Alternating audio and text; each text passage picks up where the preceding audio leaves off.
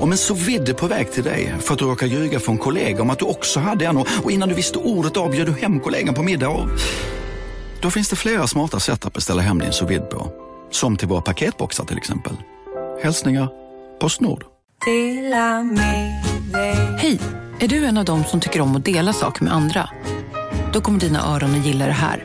Hos Telenor kan man dela mobilabonnemang. Ju fler ni är, desto billigare blir det. Skaffa Telenor familj med upp till sju extra användare. Välkommen till någon av Telenors butiker eller telenor.se.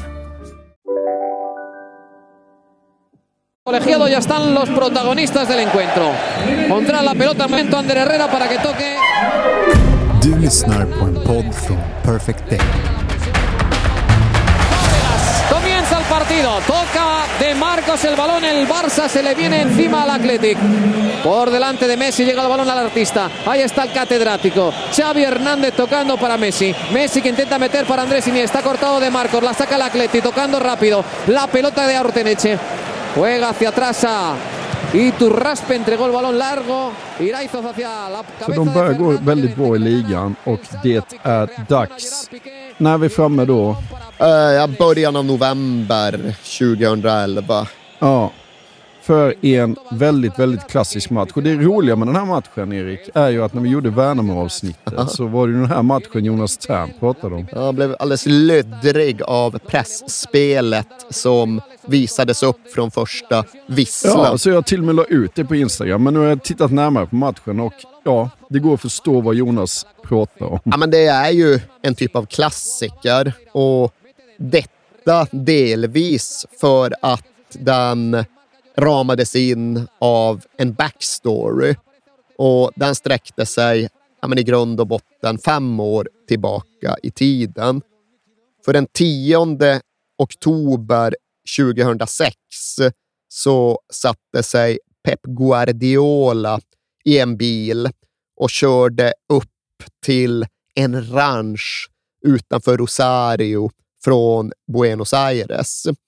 Och Det här är i ett skede då Pep Guardiola någonstans fortfarande tvekar. Han står och väger i frågan om huruvida han ska satsa på att bli fotbollstränare efter karriären eller om han ska låta livet ta en helt annan riktning. Men det här var då någonting han hade funderat på i rätt många år och som han hade givit uttryck för redan under det senare skedet av sin spelarkarriär. Och det var när han gjorde en kortstuds i Roma som Gabriel Battistuta hade sagt till honom att ah, Pep, alltså om du funderar på om du vill bli tränare så måste du träffa den här killen. Då måste du prata med Marcelo Bielsa för han kommer att göra valet lättare och tydligare för dig. Och den här oktoberdagen 2006 så var det då dags. Bielsa hade förberett en asado, han säger en sorts argentinsk grillning Ja. på sin ranch i Maximo Paz utanför Rosario. Och Guardiola hade kört upp tillsammans med filmregissören David Trueba. Och från början verkade det som att Trueba imponerade mest på Bielsa, för naturligtvis är Bielsa även en stor cineast och de ägnade då den första timmen åt att snacka film. Men ja, efter en dryg timme så kände Trueba att han nog behövde styra det här samtalet i en annan riktning, vände sig mot Pep Guardiola och bara konstaterade att ja, men, du har väl ändå inte kommit hela den här vägen för att bara snacka film, eller hur? Nej. Och nej, det hade han inte. Och därefter så pratade Guardiola och Bielsa fotboll i ytterligare tio timmar, egentligen utan avbrott. Och det här är ju verkligen ja, men förevigat i mytiska sagor och fotbollslegender om hur de liksom flyttade runt trädgårdsstolar för att illustrerar man manpress och hur de därefter liksom återvände till någon av Bielsas datorcentraler för att gå igenom någon katalogisering av något gammalt VHS-arkiv. Och, ja, det där pågick och det där var ett samtal med spännvidd på en hisnande avancerad fotbollsnivå, tror jag mig veta.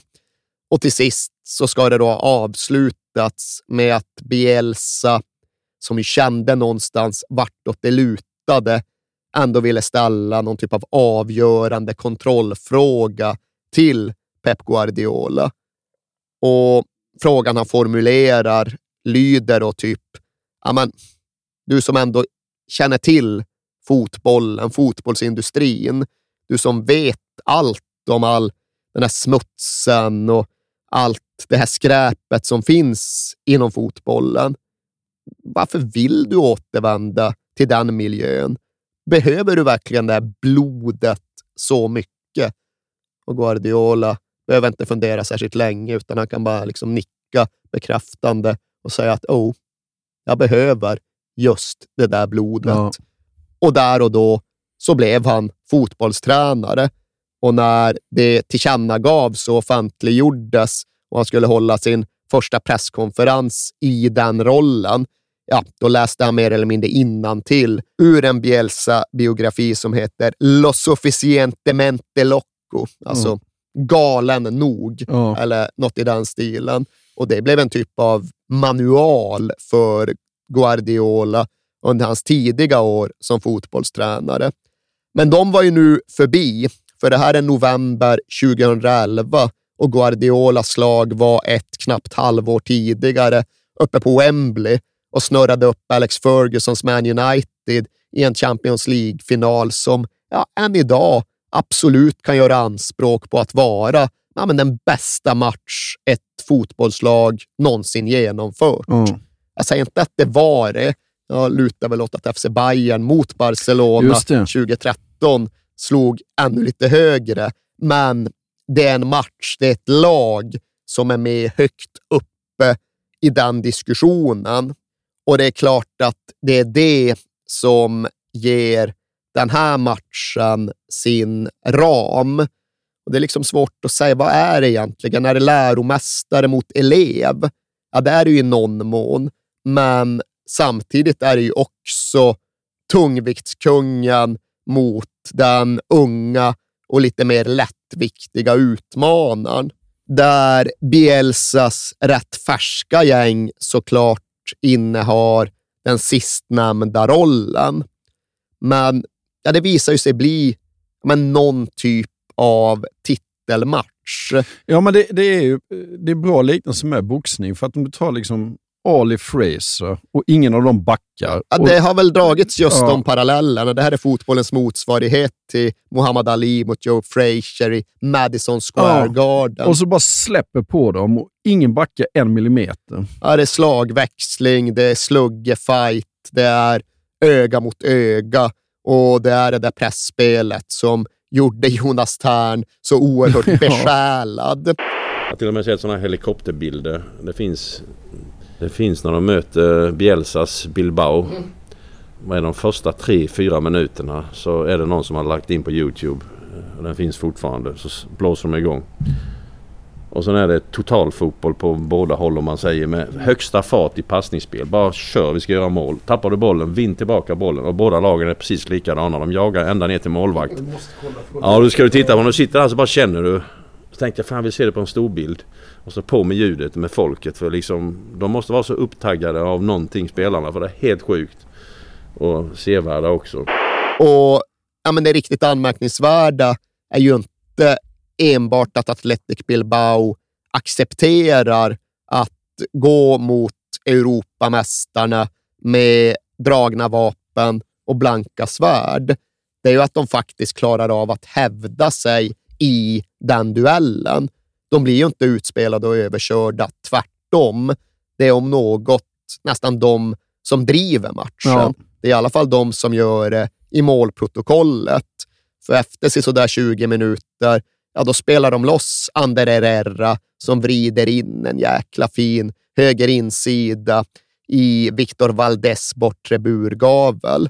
Men detta Barcelona var ju såklart inte världsbäst för intet, så det är klart att de slog tillbaks och replikerade och lilla Cesc Fabregas ser ut som ja, men en klassisk Athletic Bilbao-center när han nickar Ja. in kvitteringen bara några minuter efter Athletics ledningsmål. Och alltså, det är ju hällregn såklart Ja. och det är liksom ganska gyttjig plan, men det försämrar inte passningsspelet.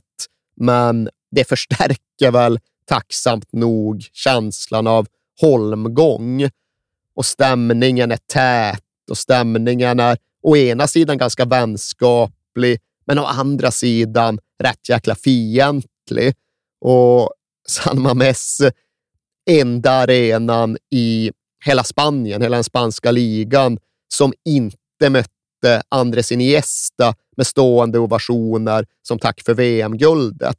Dels skiter ju basken rätt mycket i att Spanien vinner VM-guld. Om något så ser de negativt på den saken.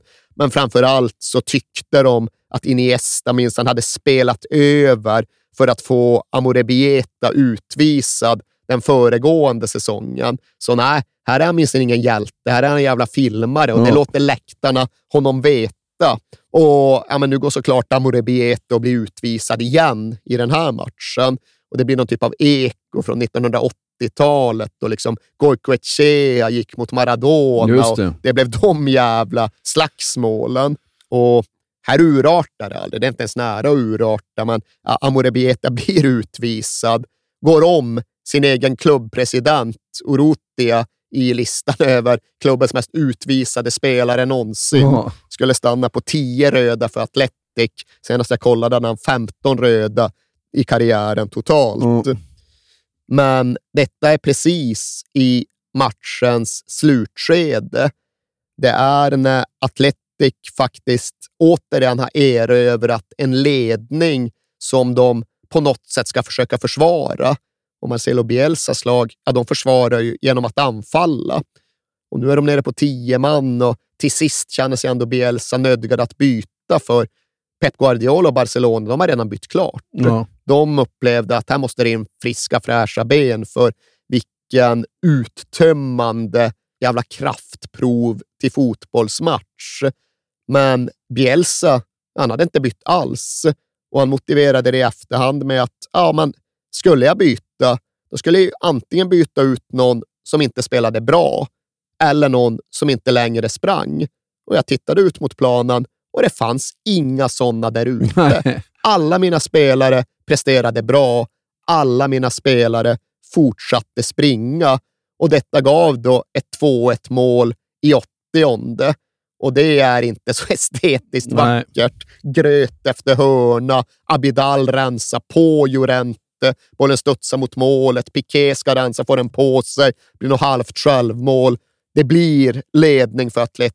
De är nu på tröskeln till en episk seger, men Amorebieta åker ut och bytena genomförs och på stopptid så blir det någon jävla kommunikationsmiss och Ja. något sjabbel mellan målvakten Gorka och en försvarare och bollen studsar ut och ifall en boll är fri någonstans i närheten av ett straffområde på den här tiden, ja, då dyker Leo Messi Ja. upp och bara skickar in den i nät. Och det är ju lite deppigt på ett sätt att Atletic inte får vinna, men 2-2 på något sätt ändå rättmätigt. Det är liksom en remi mellan två av schacksportens stormästare. Det är bara det att de inte har spelat schack den här gången, utan de har just gått igenom en boxningsmatch Ja. över 15 ronder. Och även om de går i däck om vartannat så är det ingen som stannar nere till 10, utan de reser sig upp och fortsätter, fortsätter, fortsätter framåt. Och när slutsignalen väl går så ja, det är ju inte en besviken Pep Guardiola som har tappat två poäng, utan det är en upprymd Pep Guardiola som än en gång då har blivit besjälad av Bielsa-fotbollen Ja. som går fram till argentinaren och ja, mest bara tackar. Ja. Han står liksom där och han tvingas ju skrika för att det är så jäkla ljudnivå inne på San Mames. Men han vrålar i Bielsas öra att han spelar minsann är bästar. De är bästar som springer, som försöker slita en motståndare i stycken. Och Guardiola bedyrar att han aldrig någonsin, vare sig som spelare eller tränare, mött ett lag med sån intensitet, sån aggressivitet. Nej. Och på presskonferensen efter så fortsätter han bara lovsången inför allas ögon och öron. Han pratar om un canto del fotboll, alltså en hyllningssång Ja. till fotbollen. Och han gör verkligen ett nummer av att prisa och lyfta Bielsa. Och han börjar liksom i det specifika, hur han har hunnit så långt på så kort tid. Hur han fått de här spelarna att verkligen köpa in sig till max på ett koncept och en idé. Men sen vidgar Guardiola det och recenserar med att säga att "Nej, jag tror alltid att vi står framför den bästa coachen som finns på den här planeten Ja. just nu. Och så avslutar han någonstans med att liksom, ja, men fullborda den där hyllen, den där lovsången till fotboll uttolkad av Marcelo Bielsa. Varje match detta Atletic spelar är en gåva till åskådarna. Ja. Och ja, så mycket bättre vitsord, så mycket mer upplyftande omdöme är väl svårt att kvittera ut. Ja. Vad sa Bielsa? Vet man det? Han muttrade mest, som han alltid gör. Långa jävla haranger med blicken ner i bordet och ett ganska svårgenomträngligt ordval. Han är ju ingen Rickard Norling i att eh, använda så här blomstrande språk och lite halvt gömma sig bakom det. Men har samma den där liksom egenskapen att å ena sidan framstå som rätt svårdechiffrerad, ändå kunna vara glasklar och tydlig gentemot sina spelare. Ja. Och Det är lite egendomlig motsägelse det där att ibland så lyssnar man på Bielsa under lång tid och känner att nej, jag, ingen, jag förstår inte vad han säger. Nej. Och nästa dag så lyckas han vara så jävla kärnfull och koncis på ett sätt som gör att det inte finns några gråzoner och tveksamheter för hans spelare. Nej.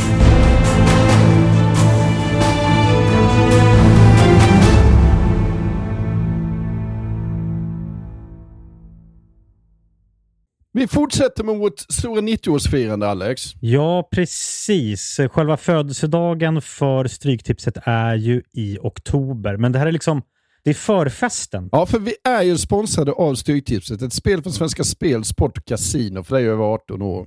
Vi är ju det och eh, har du problem med ditt spelande så finns stödlinjen.se där för dig. Och jag eh, funderar lite så här, undrar hur många som har haft 13 rätt genom de här 90 åren. Som har eh, förtjänat den här respekttröjan. Liksom. Vi firar ju på vårt speciella sätt med våra kära lyssnare som ja, älskar Stryktipset och har skickat in historier till oss om eh, hur Stryktipset har påverkat dem i 90 minuten. Och fortsätt gärna skicka in de fina historierna till kings at perfectdaymedia.se. Har vi någon historia idag? Ja, det har vi. Och den kommer från Thomas. Den är kort Mm. koncis. Mm. Den går så här. Jag vill tro att detta är 2010. Arsenal spelar otrolig fotboll och ska bara städa av Sunderland och leder med 1-0 på stopptid. Mm. Jag har 12 rätt med häng på 13. Jag minns som sagt inte vilket år det är, men målskytten glömmer jag aldrig. Darren fucking Bent. Han bombar in 1 rätt och 12 blir 11 som sen blir 10 rätt. Styrtipset är verkligen otroligt och otroligt grymt ibland. Tack för en fin podd. Om jag inte har helt fel så har Darren Bent även en historia i Tottenham, va? Det har han, verkligen. Ja. Men det går vi Sen- inte in på nu. Nej, men det var ju ändå fint att Darren Bent sänker Arsenal för Sunderland. Ja, det får man ändå säga. Men vi säger stort tack till Thomas och vi säger stort tack till våra vänner på Stryktipset. Vi är sponsrade av Ikano Bank och Ikano Bank är ju banken för allt som rör hus, hem och ekonomin däromkring. Och de har ju också en tagline som är Sveriges hemkäraste bank. Är inte det exakt det man är ute efter när man söker efter en bank? En bank med tydliga, bra bolån, privatlån, sparande med schyssta villkor, konkurrenskraftiga räntor, Håkan. Det är väl det enda man bryr sig om i dessa dagar. Ja, Och så vidare. Så är det faktiskt. Ja. Ja.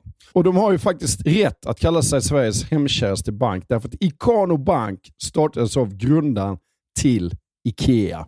Precis. Om inte det är hemkärt så kan man verkligen fråga sig vad hemkärt är. Ikano Bank har precis släppt en större rapport som heter Tre dimensioner av rikare boende. Mhm. Där man undersökt och presenterat statistik kring vad svenskarna värdesätter med sitt boende. Och deras första undersökning visar ju någonting ganska häpnadsväckande. Eller hur? Det gör ju det. Kan du, kan du berätta? Ja, den visar ju att trots det höga ränteläget så har mindre än hälften av svenskarna vidtagit någon form av åtgärder det senaste året för att förbättra sin boendeekonomi. Ja, det låter ju inte så bra kanske. Nej, det gör du verkligen inte. För att undersökningen genomfördes i augusti och det är bara 45% som har gjort det. Och av dessa har endast 16% av bostadsägarna förhandlat om lägre ränta. Mhm. Mm.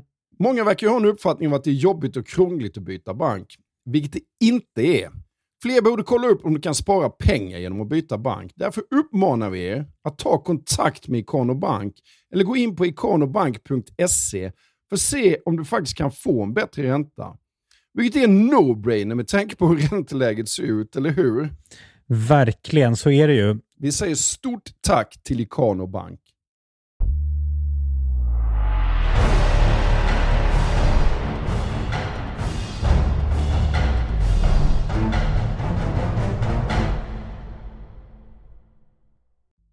Och i nästa match så väntas Sevilla borta och den matchen blir eh, historiskt på ett lite konstigt sätt va? Ja, så kan man väl säga.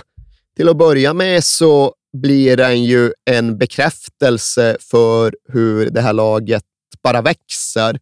För Atletic åker ner och vinner med 2-1 i Sevilla. Och det är inte enkelt, men precis som du är inne på så är det väl inte det som är det centrala och minnesvärda med matchen, utan det är att en kille som heter Jonas Ramayo debuterar för Atletics A-lag. Eller i och för sig, han har faktiskt gjort det redan som 14-åring, men det var i en vänskapsmatch, så ja, det blev aldrig diariefört. Men på ett sätt är det inget uppseendeväckande alls med att den här killen får hoppa in och debutera, utan det är Iker Muniains liksom bästa kompis från kanteran. De har vunnit U19-EM med Spanien tillsammans och det är väl helt enkelt dags för Ramalho att få den här chansen. Men det som då är notabelt, ja, det är att han är svart. Ja. För han är född av en baskisk mamma och en angolansk pappa i ett litet baskiskt samhälle som heter Baracaldo. Och den här kvällen i Sevilla så blir han alltså den första spelaren någonsin med svart hudfärg att representera Athletic. Och det kan ju tyckas som något helt odramatiskt. Det borde ha varit något helt odramatiskt, men det var symboliskt viktigt. För alltså den här policyn som Athletic har, det är ju ingenting som någonsin har formaliserats. För i dagens EU-tider av fri marknad, fri rörlighet, så är det fullt möjligt att det här skulle kunna vara en olaglig hållning ifall den formulerades på pränt och på något sätt skulle regleras genom avtal. Är det ens tillåtet att reducera Athletics A-lag till enbart baskiska spelare? Ja, det har ju inte klubben någon avsikt att pröva juridiskt, utan de har alltid hållit fast vid detta som en uttalad men ändå inofficiell hållning.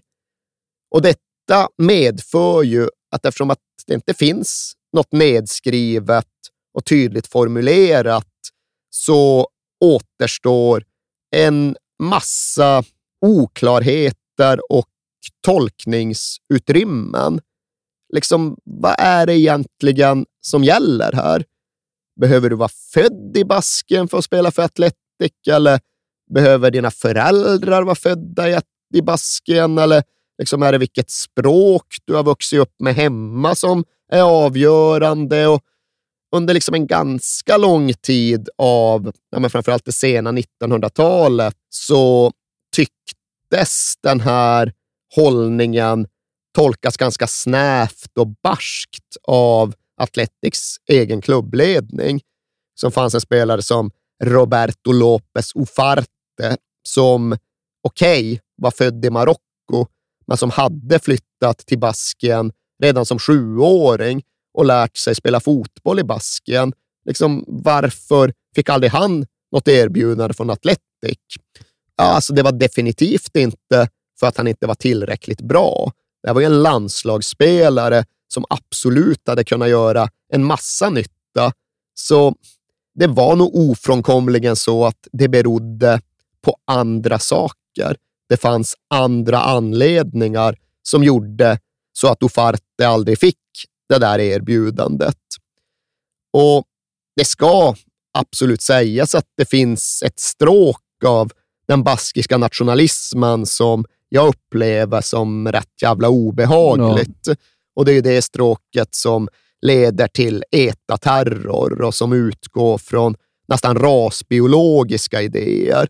De har någon jävla skit med ett speciellt kranium eller ett extra ben i nacken Jaha. eller vad det nu är, som då ska liksom utmärka riktiga, rena baskar. Det här låter jävligt nazistiskt. Ja, men alltså, ja. Det finns ja. ett sånt stråk och jag uppfattar ju det som numera väldigt marginaliserat och undanskymt. Men det är klart att det inte är oproblematiskt.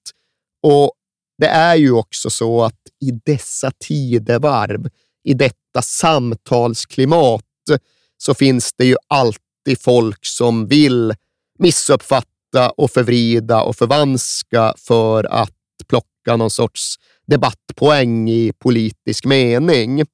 Och ifall det är där man befinner sig, då är det ju ganska lätt att uppfinna någon sorts motsättning då sådana som jag å ena sidan förespråkar mångfald och mångkultur, men å andra sidan samtidigt fascineras av, ja, men till och med beundrar Athletics närproducerade lokalpatriotism. Mm. Men uppriktigt sagt, frankt talat, jag förstår ju inte varför det ska behöva innebära en motsättning, för jag ser den inte.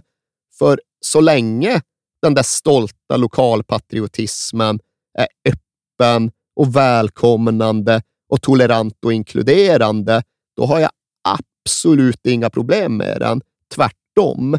Det är ju när den blir sluten och inåtvänd och xenofobisk som jag får problem med den.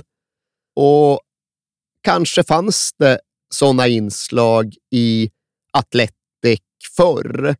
Kanske framför allt då, då Franco-diktaturen fortfarande var färsk i minnet och Baskien alltjämt präglades av någon lite kuvad typ av misstänksamhet. Men numera, så en bra bit in på 2000-talet, så hittar jag överhuvudtaget inget sånt i Athletic Club, utan jag ser ju det rakt motsatta. En fotbollsklubb som demonstrerar och bevisar att det går alldeles utmärkt att gå i takt med sin värld och sin tid. Och så som jag uppfattar efterföljandet av den här bara basker-policyn så har ju den blivit mycket mer generös och töjbar de senaste årtiondena. Förr hette det ja, men för det mesta att du ska vara född i Baskien eller ha lärt dig att spela fotboll i Baskien för att representera Atletic. Nu kan du vara född i Baskien, du kan ha lärt dig spela fotboll i Baskien, du kan ha familjerötter i Baskien, du kan vara uppväxt i Baskien. Vad som helst. Känner du dig som bask så är du i grund och botten välkommen. Ja, så du behöver inte vara född där längre? Nej, absolut Nej. inte. Det räcker med att en förälder är det, eller att du själv kom dit i ganska ung ålder. Och exakt hur ung ålder, det är väl fortfarande frågan. Ja. Är det fem Nej, det är det ju inte. Det är, ja, är det 15? Ja, då börjar de ändå liksom vara Ja, lite ja. svävande. Men som sagt, bara i det här laget hade vi ju även Fernando Amorebieta, född i Venezuela. Ja. Och det var liksom ingen diskussion. Och nu för tiden har vi ju mer än något annat, tydligare än något annat, brorsorna Williams i Athletics A-lag. Och deras liberianska föräldrar träffades då i det ghanesiska flyktinglägret Buruburam. Och sen korsar de först Saharaöknen till fots och så hoppar de över något sånt jävla taggtrådsstängsel i Melia-enklaven och så tog de sig över Medelhavet på någon jävla flyktingbåt och kom till sist då fram till Baskien. Och det finns inga mer baskiska fotbollsspelare än brorsorna Williams idag. Alltså Inyaki Williams, han har ju då en obruten svit som sträcker sig över mer än sex år då han inte har missat en enda ligamatch för Athletic. Senast jag kollade hade han alltså gjort typ 230 ligamatcher Ja. i obruten följd. Och numera så upplever jag att det återstår ja, men rätt lite av den där diskussionen. Vilka är basker? Vilka är inte basker? Vilka får spela för Athletic? Vilka får inte spela för Athletic? Men det får inte bli för urvattnat heller ju. Nej, men alltså, Det- men det finns ju någonting i det att, ja, men känner du dig som bask? Tycker du själv att du borde ha rätt att spela för Athletic? Då kommer du vara välkommen. Det är ingen som liksom sitter och uppfinner en baskisk identitet som 19-åring i Marbella. Det händer ju inte. Nej. Däremot, ifall du är en mörkhyad kille med en angolansk pappa, eller för den delen två liberianska flyktingföräldrar, ja då kanske du inte hade upplevt det som självklart alls att spela för Athletic år 1987. Nej. Jag säger inte att det var så, men jag tror nog det kan ha funnits sådana inslag. Men sånt är ju numera bortsopat. Ja. Det är klart att du kan spela för Athletic oavsett hudfärg, oavsett var dina föräldrar föddes, ifall du själv har vuxit upp i Baskien, lärt dig spela fotboll i Basken, känner dig som bask. Va? Klart, klart Jo, men det, det är diskussionen så här, finns. Erik Niva kan inte känna sig som bask. Nej, nej, det- bara, Men det, det är det jag säger. Vad, vad är sannolikheten för att jag skulle göra Nej. det? Vad är sannolikheten för att någon bara konstruerar en baskisk identitet som någon typ av del av en fotbollens karriärsplanering? Sånt händer Nej. inte. Det är ingen som låtsas vara bask under falsk flagg. Nej. Det scenariot ser jag verkligen inte framför Nej. mig. When Romelio played his first game for Athletic Bilbao, Spain had only ever fielded five black players. Not being an official part of the club's laws and rulings, the definition has been outlined by its practice over the years and has transformed over time through societal change and different club presidents. Sometimes confusion and disagreements have arisen over certain players. Players born in the Basque country but raised elsewhere are eligible, as was the case with Vicente Lizarazu, who signed from Bordeaux and had spent his youth playing at the French side. Those not born in the Basque country are still eligible to play on two conditions. They have Basque parentage, or have spent a considerable time in the region's academies or canteras. How long exactly isn't clear. Antoine Griezmann, born in Macon in the east of France, was linked with the club in 2012. The crux of his eligibility boiled down to his youth spent in Real Sociedad's ranks. He arrived at the club and studied there, yet his link was perceived as too tenuous by many in Bilbao. Yes, he was formed locally, but apparently not enough. Most recently, Romanian left back Christian Ganea signed from Romanian club FC Victoria Constanta, despite, like Griezmann, having no familial ties to the Basque country. His claim comes from his time spent in the youth system of the Basque side Baskonia, despite playing most of his professional career back in his own country. De tuffar på ligan, eh, men det finns mycket annat roligt också. Ja, ifall vi ska ta oss igenom vinteruppehållet och komma ut i januari 2012 så kan vi konstatera att det mycket riktigt fanns mycket kul på horisonten. Och nu snackar vi naturligtvis inte liksom januarifönstret, för det struntar ju Atletic fullständigt Ja. i. Det hände givetvis ingenting i januarifönstret. Men spelschemat såg både innehållsspäckat och löftesrikt ut.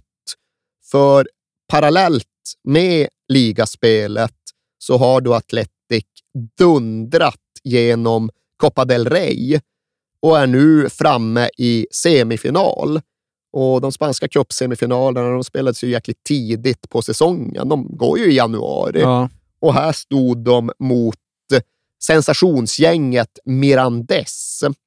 Och Mirandes, ja, de hörde hemma i tredje divisionen, men de hade längs vägen slagit ut Villarreal, Racing Santander och Espanyol i kvarten med ett mål i 92 minuten. Och det är då enbart klubbar från högsta ligan.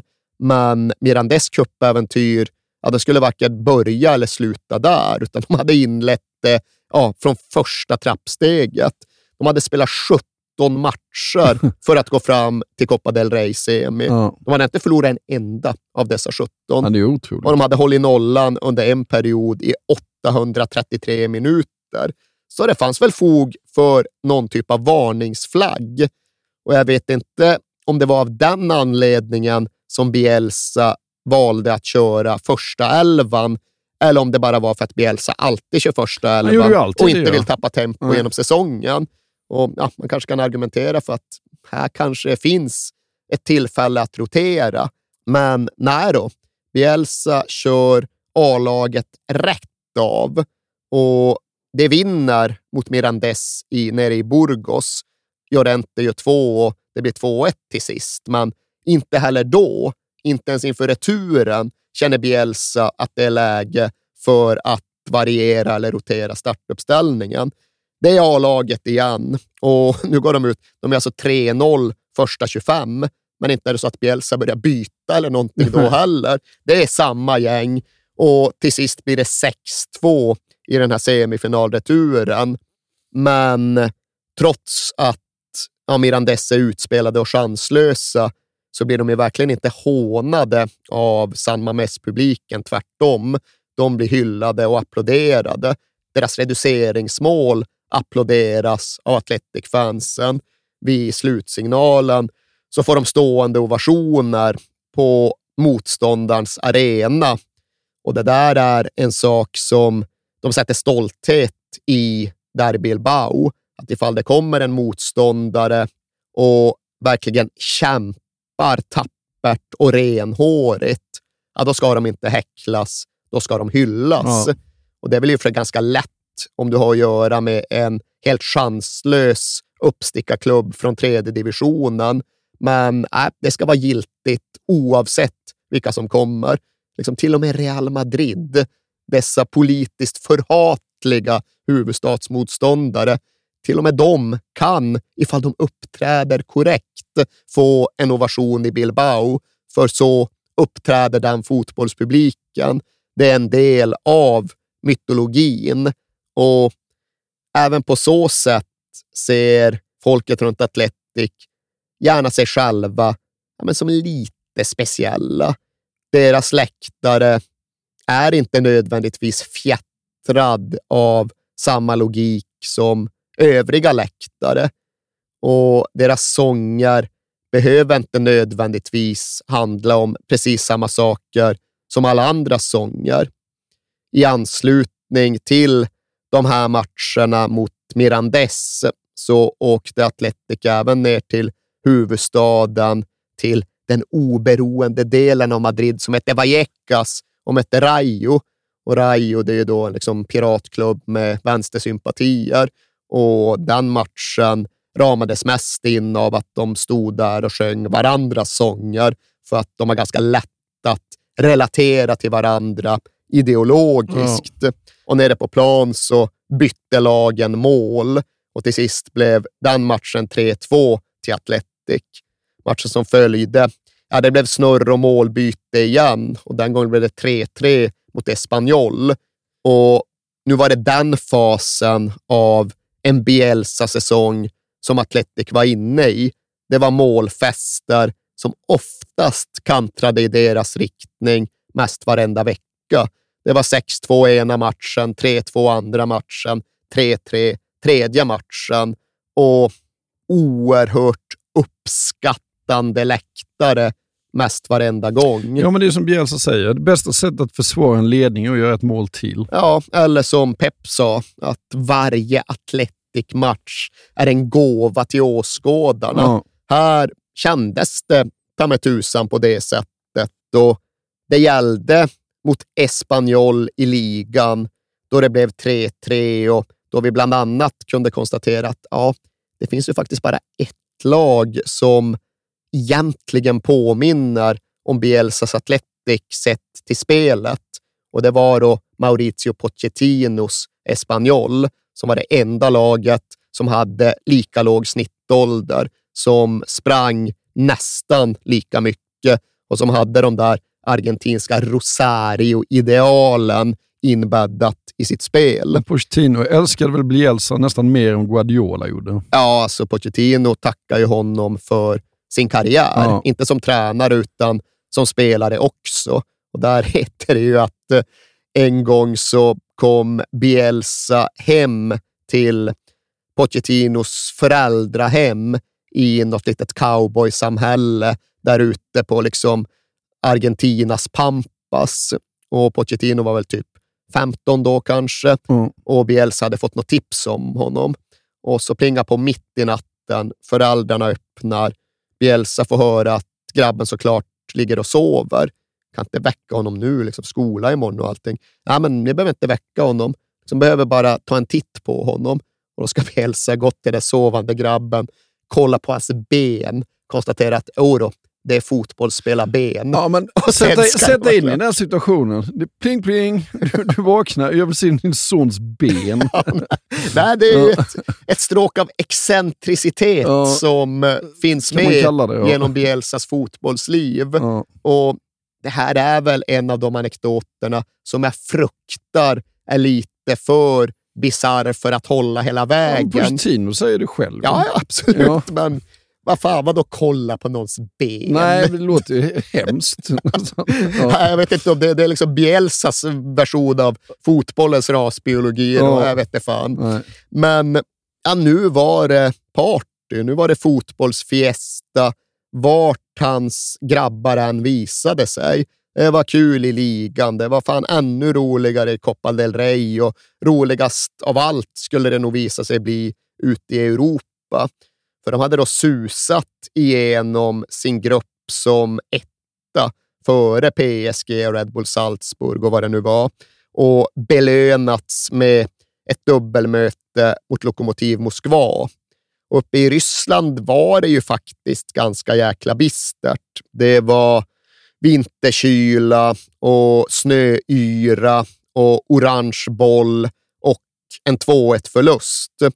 Så det krävdes en vändning nere i Bilbao och det verkade rätt avlägset då Amorebieta såklart gick och blev utvisad efter en timme.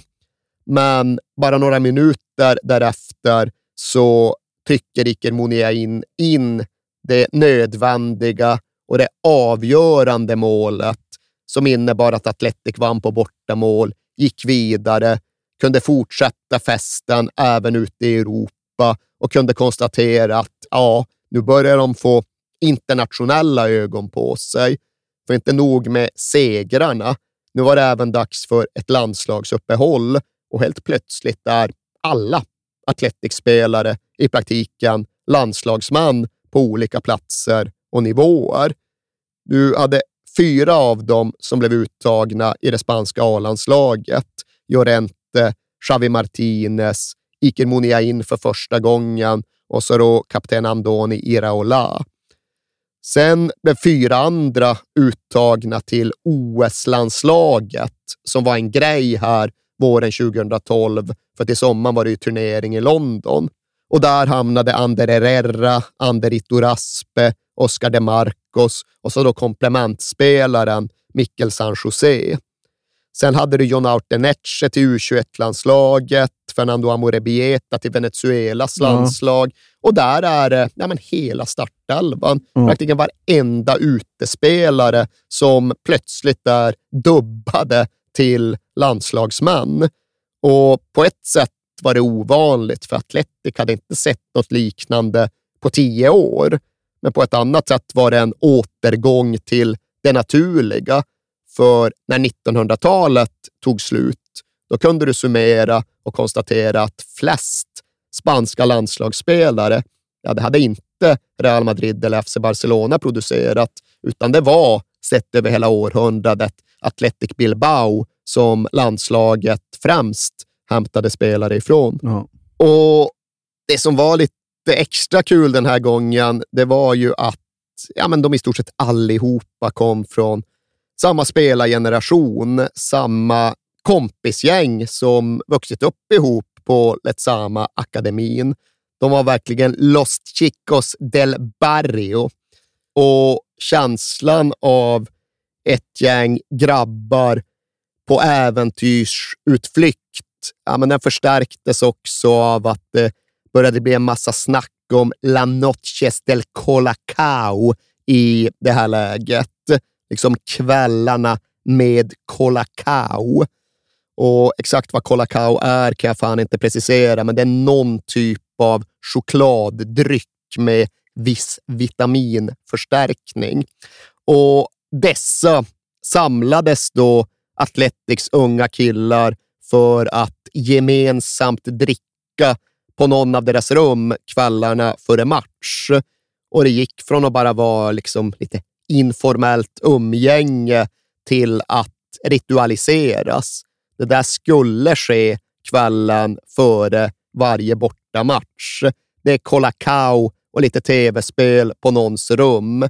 Det är gött kött in på småtimmarna och rostade mackor med något chia, alltså ja, men typ deras Nutella. Och det där spred, alltså ryktet spreds, det blev en grej under de här vinter och vårmånaderna. Och när det blev allmänt känt, ja, då började såklart Colacao-fabrikanterna skicka backar med sina flaskor till Letsama. Och ja, men Det här var verkligen skolresa, klassutflykt på speed, rätt in i den uppumpade fotbollsvärldens själva centrum. Och det blev bara bättre och bättre och roligare och roligare och mer och mer spännande för varje månad som gick och varje match som vanns.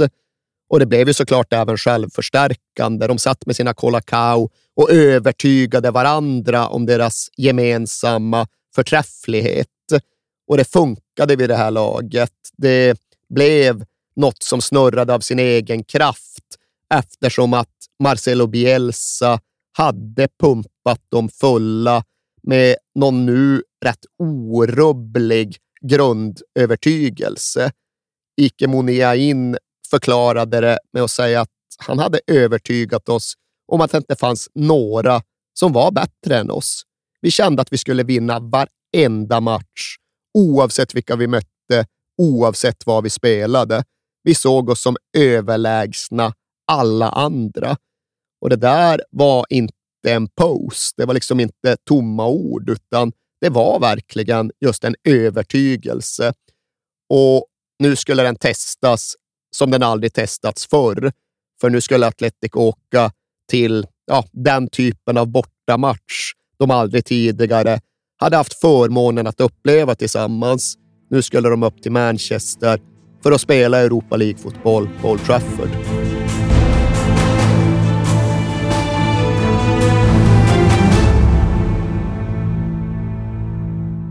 Om Barcelona-matchen är en klassiker i La Liga så är United-matcherna en klassiker i Europa League. Ja, och i Athletic Clubs egen klubbhistorik. För ja, här knöts det minsann band till den egna historien. För Athletic och Manchester United, ja, de hade ju mötts förr. United hade kommit ner till Bilbao och spelat i snön på San Mames 1957. Och Det var då under en tid då Athletic Club hade vunnit dubbeln säsongen före, medan Man United ställde upp med ett Busby Babes-lag som närmade sig sin prime. Och Athletic vann med 5-3 hemma i snön på San Mames.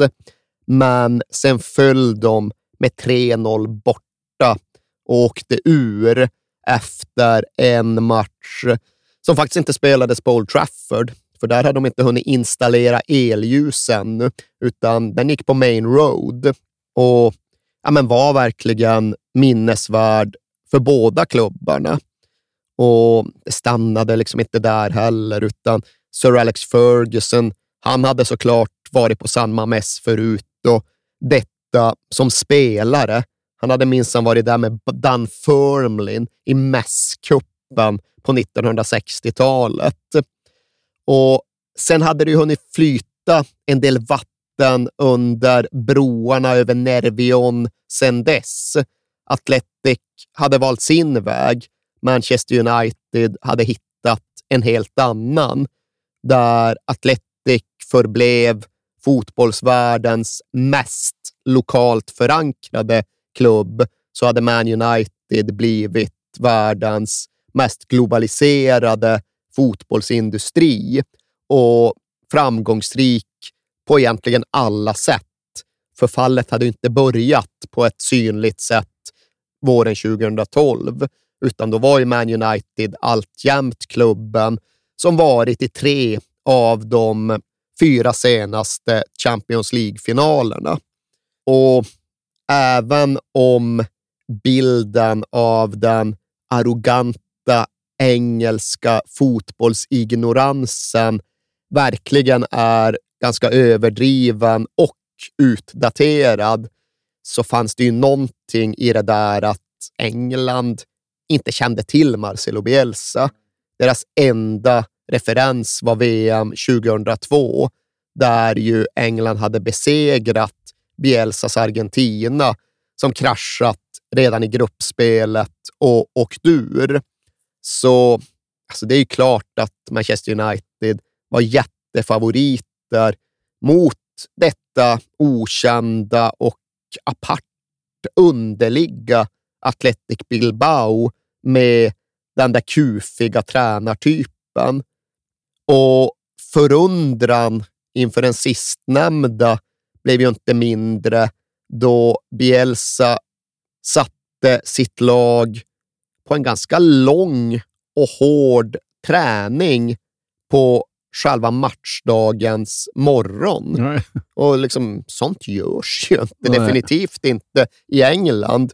Men år då, här blev det drygt en och en halv timmes träning på förmiddagen när matchen skulle spelas på kvällen. Och liksom för Bielsa-konnässörer så var väl inte det något oväntat eller ovanligt. Det där hade han liksom drivit betydligt längre redan på 1980-talet i Newell's Old Boys ungdomslag. Då liksom körde han hårda intervallpass 20 minuter före avspark för att få igång mjölksyreproduktionen. Ja. Det skulle vara något positivt. Och ja, Det här var ju ingenting i jämförelse. Bielsa ryckte ju bara på axlarna. Bara, bara, skulle det vara något konstigt med det här? Alltså, vi tränade ju för att jag skulle visa hur spelarna skulle springa i just den här matchen. Och det koordinerade de. Och Det innebar då att de behövde springa mindre i själva matchen för att de var i rätt positioner. Vad, vad är det egendomliga här? Bielsa begriper ingenting. Och när slutsignalen väl gick på Old Trafford, ja, då var det ingen egentligen som var i position att ifrågasätta Marcelo Bielsa och hans metoder eller liksom argumentera mot dem. Och ja, Detta inkluderade Sir Alex Ferguson, för hans lag hade blivit utspelat, söndersprunget, överkört på både bredden och tvären mm. flera gånger om. De hade blivit utklassade och detta trots att Wayne Rooney fick ja, men ett gratismål fram till 1-0 helt mot rådande spelbild. Men ja, Bielsa och Los Chicos del Barrio, de lät ju sig inte nedslås av detta, utan de bara fortsatte springa, de bara fortsatte passa och de började även göra mål. Fernando Llorente nickade in 1-1 precis före paus och sen fyllde de bara på. Våg efter våg, anfall efter anfall, avslut efter avslut. Alltså, det regnade inskott mot David de Gea i målet och till slut så gick ju ytterligare två in. 2-1 Bilbao, 3-1 Bilbao. Sen ja, men en oförtjänt reducering till av Wayne Rooney på stopptid. Ja. Men 3-2 till Athletic och detta var siffror som var grovt, gravt i underkant. Alltså när man tittar på matchbilderna så är man nästan chockad hur, jävla, hur mycket de löper och vilken intensitet det är. Och att, alltså, jag, mitt klipp var en kvart långt och de, de, de springer sönder dem eh, på Old Trafford alltså. Ja, och liksom Gary Neville har berättat att när han pratade med Man Uniteds analytiker efter matchen så var de just chockade på ett sätt som innebar att de liksom inte litade på sina egna mätningar Nej. och sin egen statistik. Den där analytikern hade behövt liksom trippelkolla siffrorna för att acceptera att de verkligen stämde. För som Neville sa, de hade sprängt skalan och sen de hade börjat göra den där typen av mätningar tio år tidigare så hade inget annat lag varit i närheten av samma liksom running stats, samma löp och intensitetsmeter som Athletic var den här kvällen. Men sen var det inte bara löpningar, bara springa, springa, springa, utan det var ju kombinerat med ett väldigt vägvinnande bollinnehav. De hade 67 procent av bollinnehavet, Ja. Athletic. Det är ju liksom Pep Guardiola-siffror. Ja, ja. Men att då kombinera det bollinnehavet med den här löpstatistiken och för den delen komma till, jag vet inte vad det var, 25-30 avslut. Ja, alltså bäst på plan var ju de Gea ju. Ja, och liksom många mångåriga besökare på Old Trafford har ju vittnat om att ja, men så där överkörda har vi inte blivit Nej. tidigare. Inte i något minne som de kan hitta. Och det säger ju också någonting, någonting positivt om Sir Alex Ferguson, att han kommer in efteråt och verkligen bara håller upp händerna. Ja, va- vad vi såg ikväll, det var ett lag med en arbetskapacitet som är högre än någon annan som jag har sett i Europa. Och Det var inte så att han beklagade sig över det. Nej, underbart att se sån energi och sån beslutsamhet. Ferguson var liksom upplivad av att ha blivit utspelad Ja. och det var inte särskilt vanligt. Och som sagt, episk klassiker till fotbollsmatch förstärkt av att Athletic fyllde precis varenda stol de hade fått biljett till och rätt många därutöver. De ska ha varit drygt 8000 Ja. på plats i Manchester en vardagskväll. Och det vet jag faktiskt inte om det stämmer, men jag såg uppgifter om att där och då så hade det aldrig varit så många bortafans på Old Trafford. Jag vet att sen dess så har Middlesbrough kommit med 10 000 och det har varit cupmatcher med enorma biljettilldelningar. Men kanske var det så att de inte hade sett en sån volym på bortaföljet heller. Och de som upplevde det här i Athletics färger på ett eller annat sätt, ja, de kommer aldrig att glömma det. Och det är någonting som inte minst Iker Muniain till exempel bedyrar.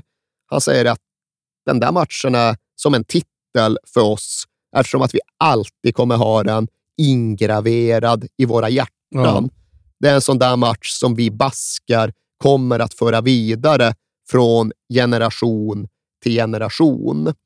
Och här blir det ju också så att ja, liksom vallöftena från Urrutia genom Bielsa besannas. De uppfylls och förverkligas. För idén var ju just att liksom uppdatera den baskiska identiteten genom fotbollen, så som tidigare hade skett liksom genom stadsplaneringen och arkitekturen. Det här var precis det de hade hoppats på och strävat mot. Baskisk, hemvävd fotboll för en helt ny tid. Och Atletic hade verkligen haft den där tendensen att väldigt gärna återvända till det förflutna, att nästan leva i historien. För ja, på 1920-talet och på 1950-talet och på 1980-talet, då kunde ju Atletic vinna ligor och mäta sig med de allra bästa och de allra största. Tänk ändå hur fint det var då. Och nu fick de plötsligt känna på att det kan vi göra igen. Det kan vi göra här och nu i 2000-talets konkurrens. Och de är flera som har sagt att ja, men, här slutade vi leva i svartvitt. Mm. Här började vi istället ta nya färgbilder och framkalla dem. Och vill ni vara sådana kan ni såklart säga att ja, men det här var bara första matchen i ett dubbelmöte av en åttondelsfinal i Europa League. Hur speciellt och betydelsefullt kan det egentligen vara? Ja, precis hur speciellt och betydelsefullt som helst. Och begriper man inte det, ja, då förstår man sig inte på min fotboll Nej. och än mindre begriper man sig på Athletic Clubs fotboll. Ja, och grejen är ju att en vecka senare så är det så, så, är det retur och då tycker man att ja, men då är United förvarnade. De vet vad som gäller och det bara säger pang igen. Ja, de gör det igen.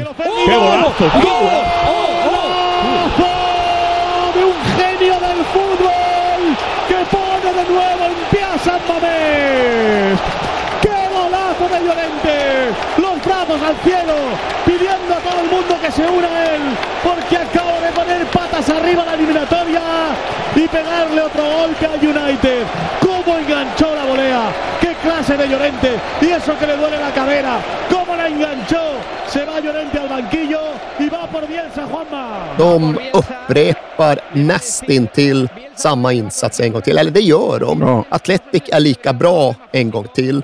Sen blir inte Man United fullt lika överkörda, för de är förvarnade och de har försökt förbereda sig och de har spetsat till laguttagningen och de gör en klart bättre insats. Så matchen är ju jämnare.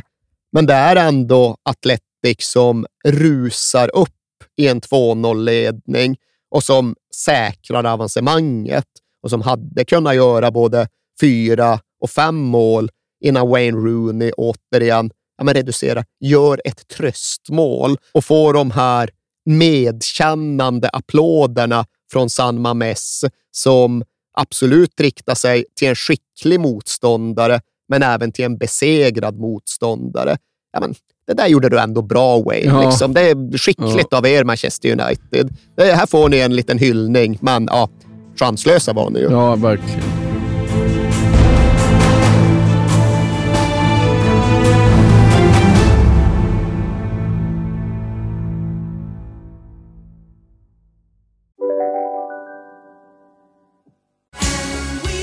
Just nu till alla hemmafixare som gillar Julas låga priser. En Royobi grästrimmer inklusive batteri och laddare för nedklippta 1 499 kronor.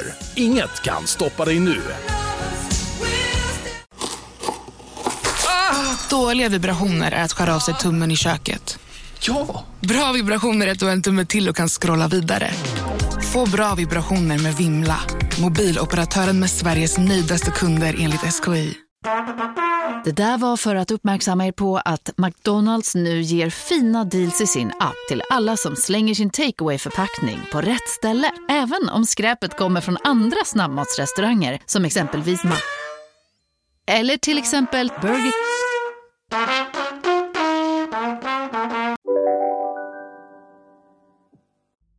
Och Europaresan fortsätter till vårt, i första hand vårt eh, kära Schalke, va? Mm, ja, precis. Och liksom Europa-partyt tar ju faktiskt över. För även om Bielsa tycker att hans spelare ska orka fokusera på alla fronter samtidigt, så blir ligan lidande under just den här perioden. Atletic börjar prioritera Europa League, om inte annat mentalt. Spelarna börjar blicka mot de matcherna och under den här perioden så tar de faktiskt bara en poäng på sex ligamatcher. De sjunker från en fjärde plats, alltså en Champions League-plats som de tagit sig till, ner till en tolfte plats. Men det kunde väl vara hänt, för hur jäkla kul och spännande var inte det här med Europa? Som du säger, Gelsenkirchen, Schalke 04, verkligen ingen svag upplaga av Schalke, Nej. för de hade också varit i Champions League-semi säsongen före och där Man United hade Wayne Rooney, hade Schalke Raul. Ja. Och visst, Raul gjorde ingen besviken. Han satte två för Schalke i Gelsenkirchen. Men vadå Atletic bara sprang och sprang och spelade och spelade och sköt och sköt. Och det som var ett 2-1 underläge med dryga kvarten kvar, det slutade med en 4-2-seger. Ja. Och därifrån finns det ingen väg tillbaka för Schalke. De åker ner och försöker i Bilbao och Huntelaar gör mål och Raúl gör mål igen. Det är ett jävla drömmål. Ja. Men Atletic matchar dem steg för steg och är aldrig hotade. De vinner med 6-4 totalt och nu är de framme i en semi mot ett motstånd som i jämförelse ser ganska överkomligt ut. Men äh, vad fan, Sporting är bra. Sporting skäms inte för sig. Sporting vinner den första matchen på hemmaplan med 2-1 och bäddar därmed för en semifinalretur. Ja, men det utgångsläget är så nära 50-50 som du någonsin kan komma. Och alltså San Mamés, när det vankas semifinal i europeiskt kuppspel. Alltså vilken jävla arena och vilket jävla tryck. Jag vet inte om du har sett det, men det finns framför allt en vinkel, en inspelning av klubbhymnen när lagen är på väg in för den här semin. Nej. Och liksom det är besinningslös ljudvolym. Och ifall det inte framgår tydligt här så får du väl lägga ut ett klipp på www podcast för det här ska både ses, höras, upplevas och kännas. För det är en inramning med få motstycken.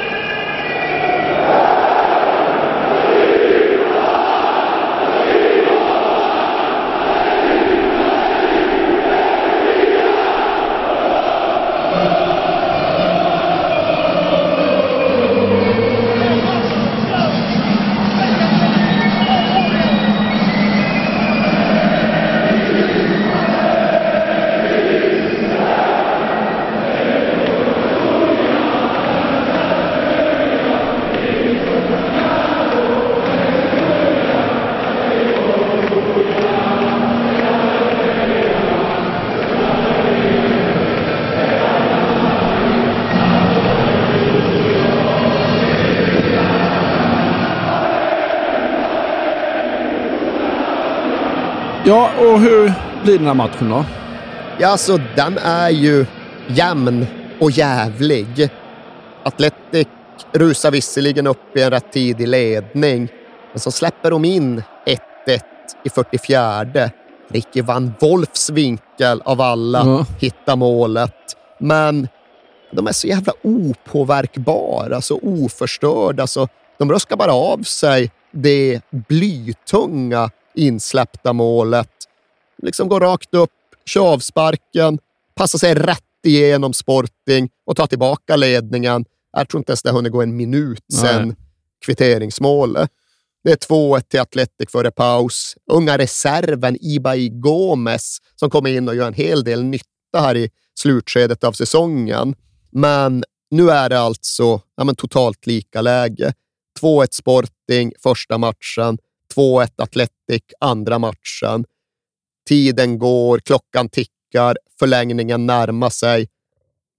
Men i den 88 minuten, ja då är han framme. El Rey Leon, själva lejonkungen med sin man, Fernando Llorente, stöter in, vinklar in ett inspel.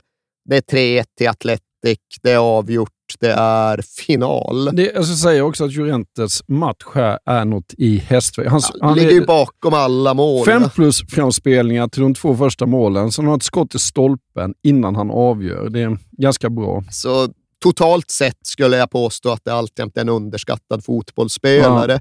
Och inte minst tror jag att de våra, de mina, i någon mån kanske undervärderar hans tid i Tottenham.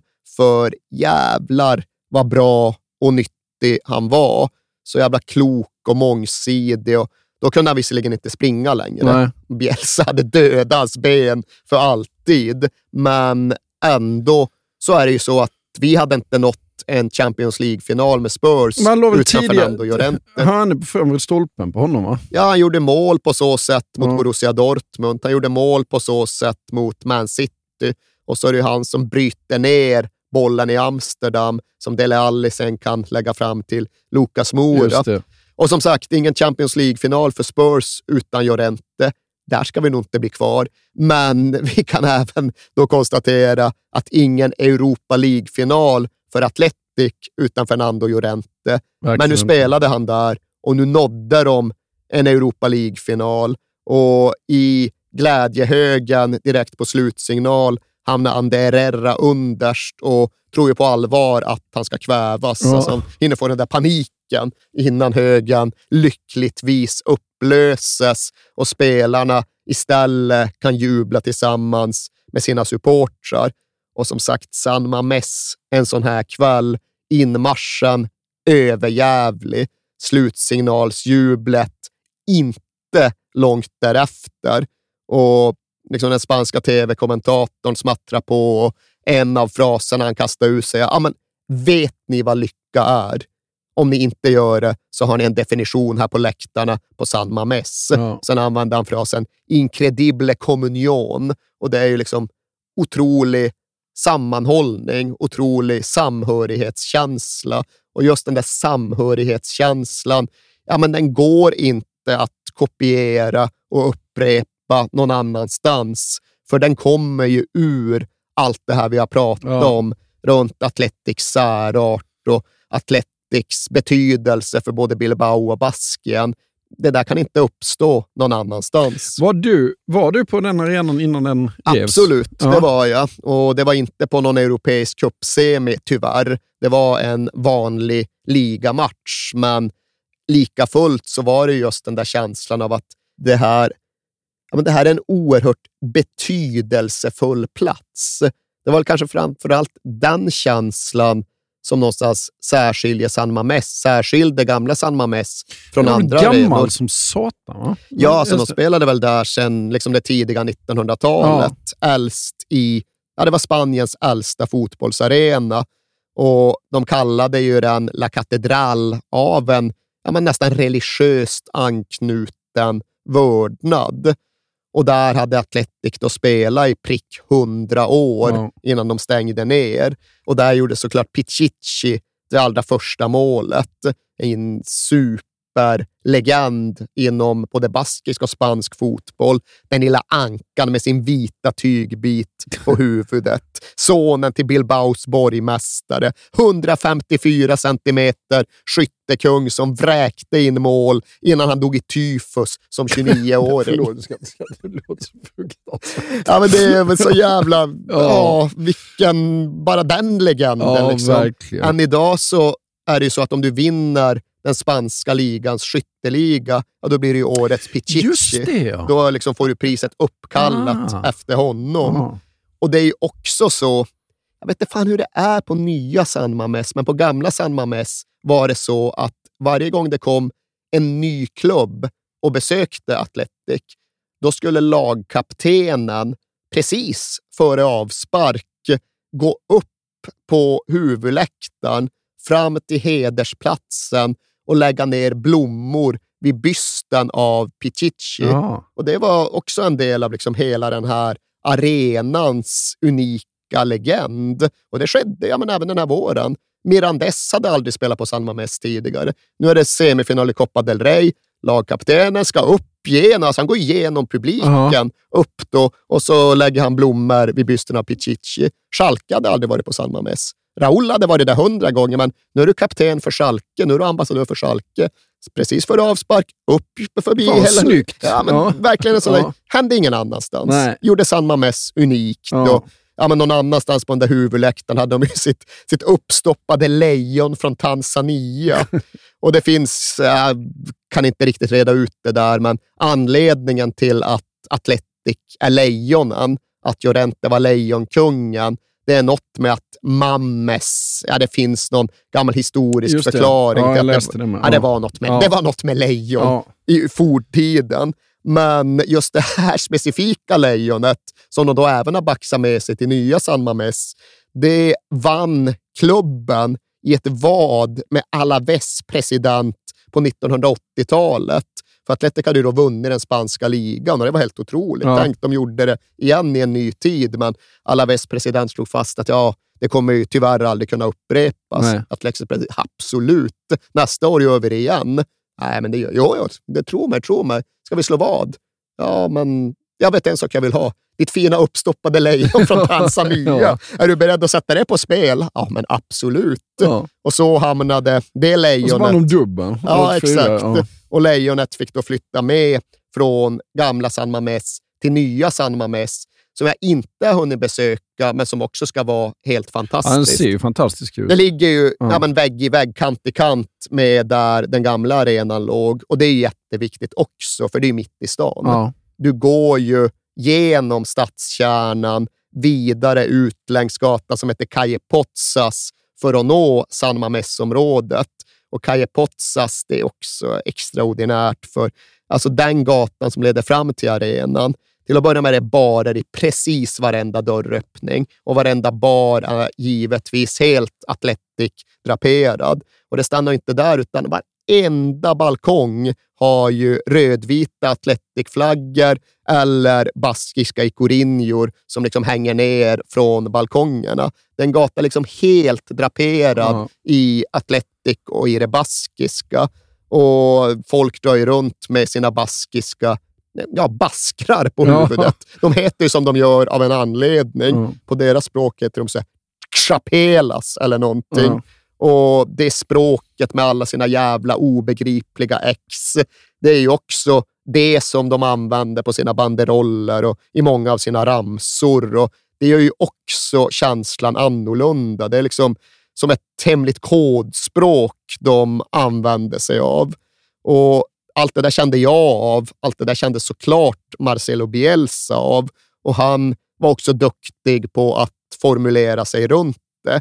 Han pratade om hur San Mames hade liksom ett sätt att kommunicera med spelarna. Han menar att läktaren, arenan, känner av när laget lider och då sträcker arenan ut en hjälpande hand så att laget inte förliser och drunknar.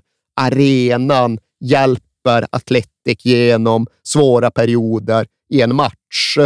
Och Bielsa, ja, han har sett och upplevt en del. Han är fostrad i argentinsk fotboll på 1970, 80 och 90-talen. Liksom Newells Old Boys Arena är hans hem. Men ändå refererar han till San Mames och säger att aldrig sett en stadion så inblandad, så engagerad, så inflytelserik.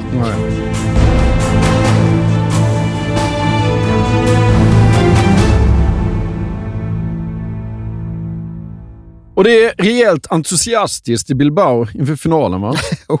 det är inte en överdrift, för de hade varit i en motsvarande final tidigare.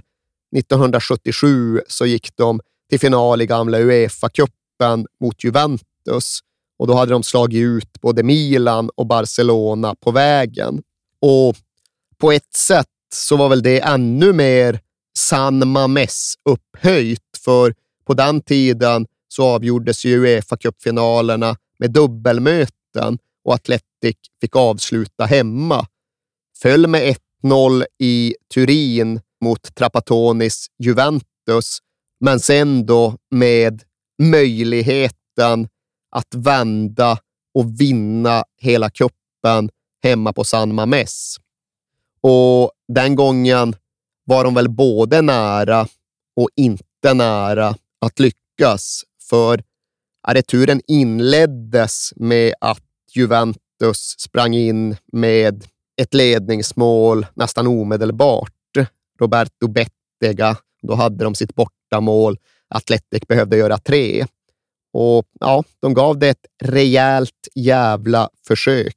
De gjorde 1-1, de gjorde 2-1 med en kvart kvar, men sen hittade de aldrig något 3-1 mål och Juventus vann utan att vinna. Juventus förlorade sig fram till en Uefa Cup-titel på bortamål. Sånt gillar Juventus. Ja, men så funkade det ju då. Men 2012, då är det ju en match, en final på neutral plan i rumänska Bukarest. Och det hade sina utmaningar, för ja, det krävde en del för att ta sig dit. Och Athletic-fansen chartrade 34 plan som en del av den stora logistiska operationen för att fylla de rumänska läktarna.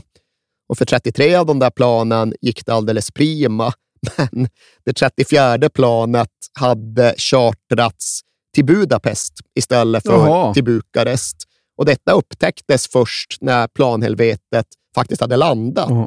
Och där stod de strandade 400 fans med några få timmar till avspark. Stackarna. Ja, de hinner inte till Bukarest. Och dessutom är planet chartrat så att bara några timmar efter slutsignalen så ska det brassa tillbaka till Bilbao. Ja. Så det fanns liksom ingen väg. De skulle kunna hinna halvvägs över den ungersk-rumänska gränsen, men i så fall skulle de inte ha någon returresa. Så för dem blev det ingen match. Nej. Och det där är väl, så vitt jag vet, det främsta exemplet på sån där fotbollsförväxling. Det har ju hänt vid andra tillfällen hände så sent som förra sommaren då ett gäng franska landslagsfans gjorde precis samma misstag, fast omvänt. Frankrike skulle möta Ungern i Budapest. De drog raka vägen till Bukarest och missade matchen. Det är inte kul att vara en av de där 400 som är ansvarig för den här resan. Nej. Står där. Den personen ska väl i och för sig ha en del skit, Ja. men ja, det känns kanske inte proportionerligt när man står på en tarmac i Budapest och förstår vad som har hänt. Det var väl någon grupp Liverpool som åkte till Genk istället för till Gent i Belgien också, när det var Europamatch. Ja. Och ja, sånt händer väl, men sånt får sannerligen inte hända. Nej. De ska möta Atletico Madrid och, hans, och Bielsa ska möta en annan lärjunge. Exakt. Diego Cholo Simeone, som då hade varit Bielsas lagkapten under flera år ihop med det argentinska landslaget. Och Simeone har, som alla andra, uttryckt sin uppskattning och vördnad för Bielsa. Trots Svennis, trots alla andra, så har han sagt att Bielsa var den tränare som lärde honom mest. Medan Bielsa faktiskt får sägas ha varit ganska njugg i sina omdömen om Simeones lag. Han har beskrivit den fotbollen som de företräder som den raka motsatsen till min fotboll. Men trots detta så hade Athletics spelare jublat när Atletico Madrid vann den helspanska semifinalen mot Valencia. För de trodde att liksom deras löpintensiva spelsätt skulle passa väldigt bra mot Atletis ja, men, mer reaktiva försvarsfotboll. Och det där som Muniain hade pratat om tidigare på våren, det hade bara vuxit. De trodde inte de skulle vinna. De var säkra på att de skulle vinna.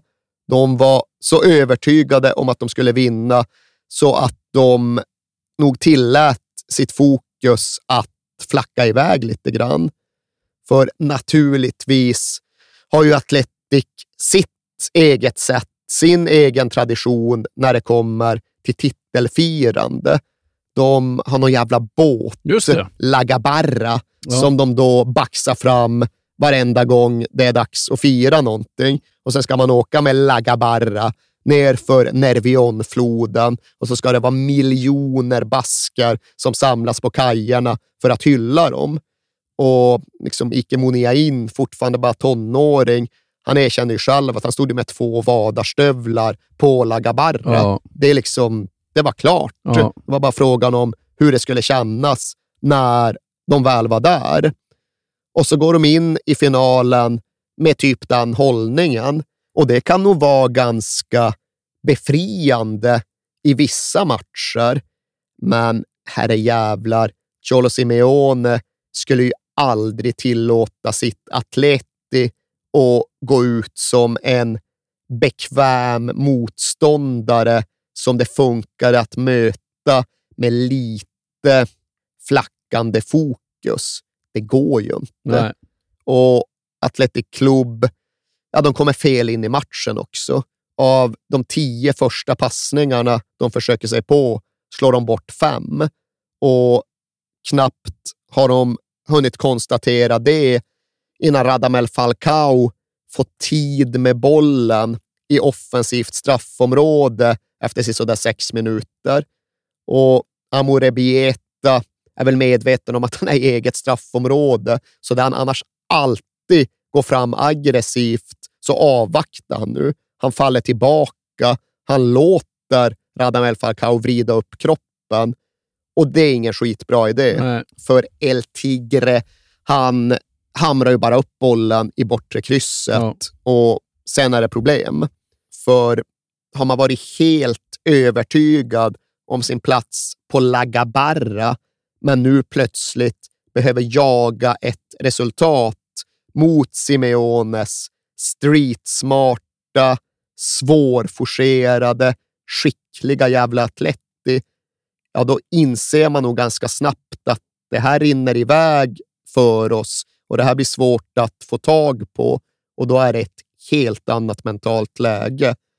Och det förstärktes ju därefter ytterligare när Amore Morata drällde med bollen och Atleti fick loss den och Falcao fick återigen ett par decimeter i offensivt straffområde och de vände han ju upp och utnyttjar till max och så dunkar han upp bollen i nättaket och så är det 2-0. Ja. Och sen är det också när du kollar på klipp, det är ju inte samma eh, Athletic som du har sett i, i, alltså i matcherna mot United. Och det, här. Det, det är ju inte alls den energin. Nej, de känner själva att de inte gjorde sig rättvisa och detta Atleti är ju också väldigt, väldigt bra på att inte låta en motståndare spela efter sina styrkor. De gör ju matcherna till sina och de kontrollerar matcherna utan att ens ha bollen. Och visst, Atletic hade en handfull bra reduceringschanser, men det är Courtois i målet för Atleti och när allting egentligen redan är stängt och färdigt så springer Diego in med 3-0 bara för att understryka och där är det över för Atletic. Där går ridån rätt mycket ner. För de har vittnat om sitt omklädningsrum omedelbart efter matchen. Hur några kommer in och liksom försöker bara venga, venga. Vi har fortfarande en till final att spela, men det bara faller platt för de allra flesta i det där omklädningsrummet. De känner att nej, vi är ju redan brutna. Vi är redan knäckta. Vi kommer inte kunna vinna den där finalen mot Guardiolas FC Barcelona. Och liksom det där kastet från total övertygelse till rätt bråddjup hopplöshet på bara 90 minuter. Ja, det är dramatiskt och det är väl sånt som Diego Simeone lyckas göra med motståndare. Ja. Vet du, för apropå lite ingenting, att det har bara hänt vid sex tillfällen att någon av de stora europeiska kupperna har vunnits av en utomeuropeisk tränare. Alla sex gånger argentinare. Ja. Något säger det. Ja, det gör det verkligen. Men de har två veckor på sig ändå att repa mod innan de ska till Madrid och spela Copa del Rey-finalen mot Barcelona. Mm, det antipatriotiska derbyt som det ibland refereras till. De hade ju mött varandra i final 2009 på Caparros tid och då hade den spanska nationalsången blivit utbuad och kung Juan Carlos som var på plats hade fått höra ett och annat. Mm. Och spanska TVE1 som sände hade dragit ner publikljudet för att just stänga de antispanska talkörerna så att inte tv-publiken behövde utsättas för dem.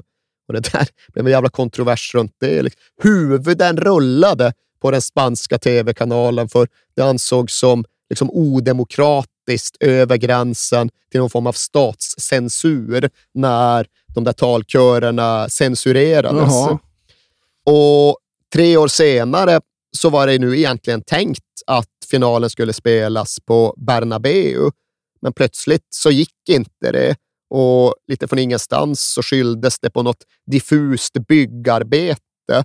Men det som sägs är då att regeringspartiet Partido Popular ska ha tryckt på för det finns något symboliskt i det antirojalistiska på just Santiago Bernabéu. Det är av olika skäl politiskt mindre känsligt ifall de skanderas och ekar någon annanstans. Ja. Så det blev inte Bernabéu. Det blev Vicente Calderón och det blev en upptrappning tät på kontroverser. Det blev ju även en upptrappning som rent sportsligt hade ett helt givet fokus och det var då att detta skulle bli Pep Guardiolas sista match som tränare för FC Barcelona. Han hade aviserat sin avgång några veckor tidigare och nu skulle han ta farväl av både publiken och av sin spelargrupp. Och när han inledde sitt anförande till spelarna, ja, då använde han samma fras som Marcelo Bielsa hade nyttjat när han tog farväl av det chilenska landslaget. Han inledde med att säga orden “Livet har givit mig den här gåvan” och sen fortsätter det med liksom långt hyllningstal till det fantastiska i att jobba med denna förträffliga spelargrupp. Så liksom mycket att hantera och sortera in i matchen. Inte minst Athletics möjlighet att vinna en titel för första gången sedan 1984. Men när domaren sen visslar och bollen rullar igång så blir det uppenbart att själva fotbollen kommer inte kunna svara upp den här gången. Det blir ingen repris på de där Ali Frazier-vibbarna från november, utan här blir det en fullständig defilering för FC Barcelona. Ja. Alltså det tar 25 sekunder och sen har Messi fritt läge från 16 meter och otroligt nog missar han med en decimeter. Men det är ingen i Atletic som mäktar med att lyssna på den varningsklockan. För efter bara 1.45, ja, då är det ny jättechans för Barcelona. Bollen täcks ut i hörna. Hörnan kommer in, har gått 2.15. Ah, Pedro stöter in den. Ja. 1-0 till Barcelona. Och ja, Sen tar det ju inte slut innan Barcelona tillåter det att ta slut. För så länge de vräker på så är faktiskt Athletic Club hjälplösa. De klarar inte av, de orkar inte med att stå upp. Och innan det har gått 20 minuter, ja, då har Iniesta passat fram Messi som har dunkat upp bollen högt med sin höger och så är det 2-0. Och det är inte 25 minuter gångna innan Messi skarvar fram Pedro och så är det 3-0.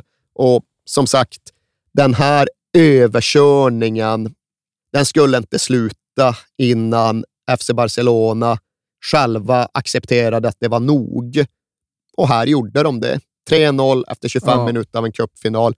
Det kan väl räcka så. Vi bara spelar av resten. Alltså när jag kollar på klippen på det så slås jag igen över hur fruktansvärt bra Messi, Messi var. Och så bara tänkte jag, men, men, pratar vi inte i tio timmar om det och att jag skulle lära mig då? Nej, men så ser jag det igen så bara, var det så jävla bra han var? Liksom? jag, tror, jag tror inte att den här matchen... Jo, den fick en liten, liten passus i den stora Messi-berättelsen. Ja. För för honom, ja, det var en match i mängden. Nej, men han, Cupfinal i mängden. Han är helt sinnessjukt hur bra han är.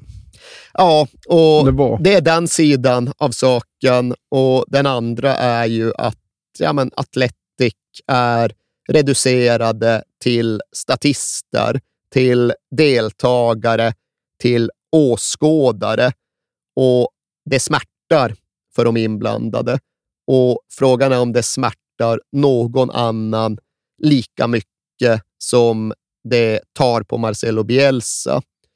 För när dammet och röken har lagt sig lite grann, när de träffas i omklädningsrummet på träningsanläggningen dagen efter, ja, då håller Marcelo Bielsa ett nio och en halv minuter långt anförande. Och det är inte extraordinärt med hans mått mätt. Han kan som sagt prata i 2.30 utan avbrott. Men nu pratar han med en sorg och en besvikelse som är ovanlig för honom. Och av någon anledning, på något sätt, jag vet faktiskt inte hur, så läckte det ju fullständiga inspelningar av det här anförandet från det här omklädningsrummet. Så vi kan ju höra exakt hur det lät. Och nu varken kan eller vill jag göra någon nio och en halv minuter lång direktöversättning. Men det är klart att vi ska ge oss på någon typ av sammanfattning. Och liksom hela ingången till denna rant, som vi nästan får beskriva det som, det är då att Bielsa vid ett eller annat tillfälle har uppfattat hur några av hans nyckelspelare skrattade under det föregående dygnet. Och här framkommer det inte riktigt. Jag har inte i alla fall klarat av att reda ut huruvida det var några som stod och asgarvade fem minuter efter slutsignalen eller om det var några som liksom kostade på sig ett litet fniss när det hände något lustigt på flygresan hem fyra timmar senare. Oaktat vilket så var det inte acceptabelt för Marcelo Bielsa. Och grovt sammanfattat och översatt så pratar han ungefär så här. Han säger att det kommer ta lång tid, väldigt lång tid innan ni får någon chans till revansch. Och för att ni verkligen ska komma ihåg det jag säger nu, så ska jag upprepa det. Det handlar inte om att vinna. Det handlar om hur vi förlorade. Det handlar om hur vi förlorade. För resan var extraordinär. Ni gjorde några exceptionella matcher. Verkligen exceptionella matcher. Men det här överskuggar allt. Och det mörkaste, det är att inte veta varför. För, för mig är det förbjudet, grabbar, att först mobilisera en hel stad och sen göra en stad besviken. Att inte leva upp till illusionen som byggts upp. Och jag uppriktigt skäms över att ha gjort Athletics supportrar besvikna. För det behöver ni inte tvivla på. Besvikelse är vad vi har givit dem. Och återigen, det går att spela två finaler och förlora dem med 5-0 snarare än med 3-0.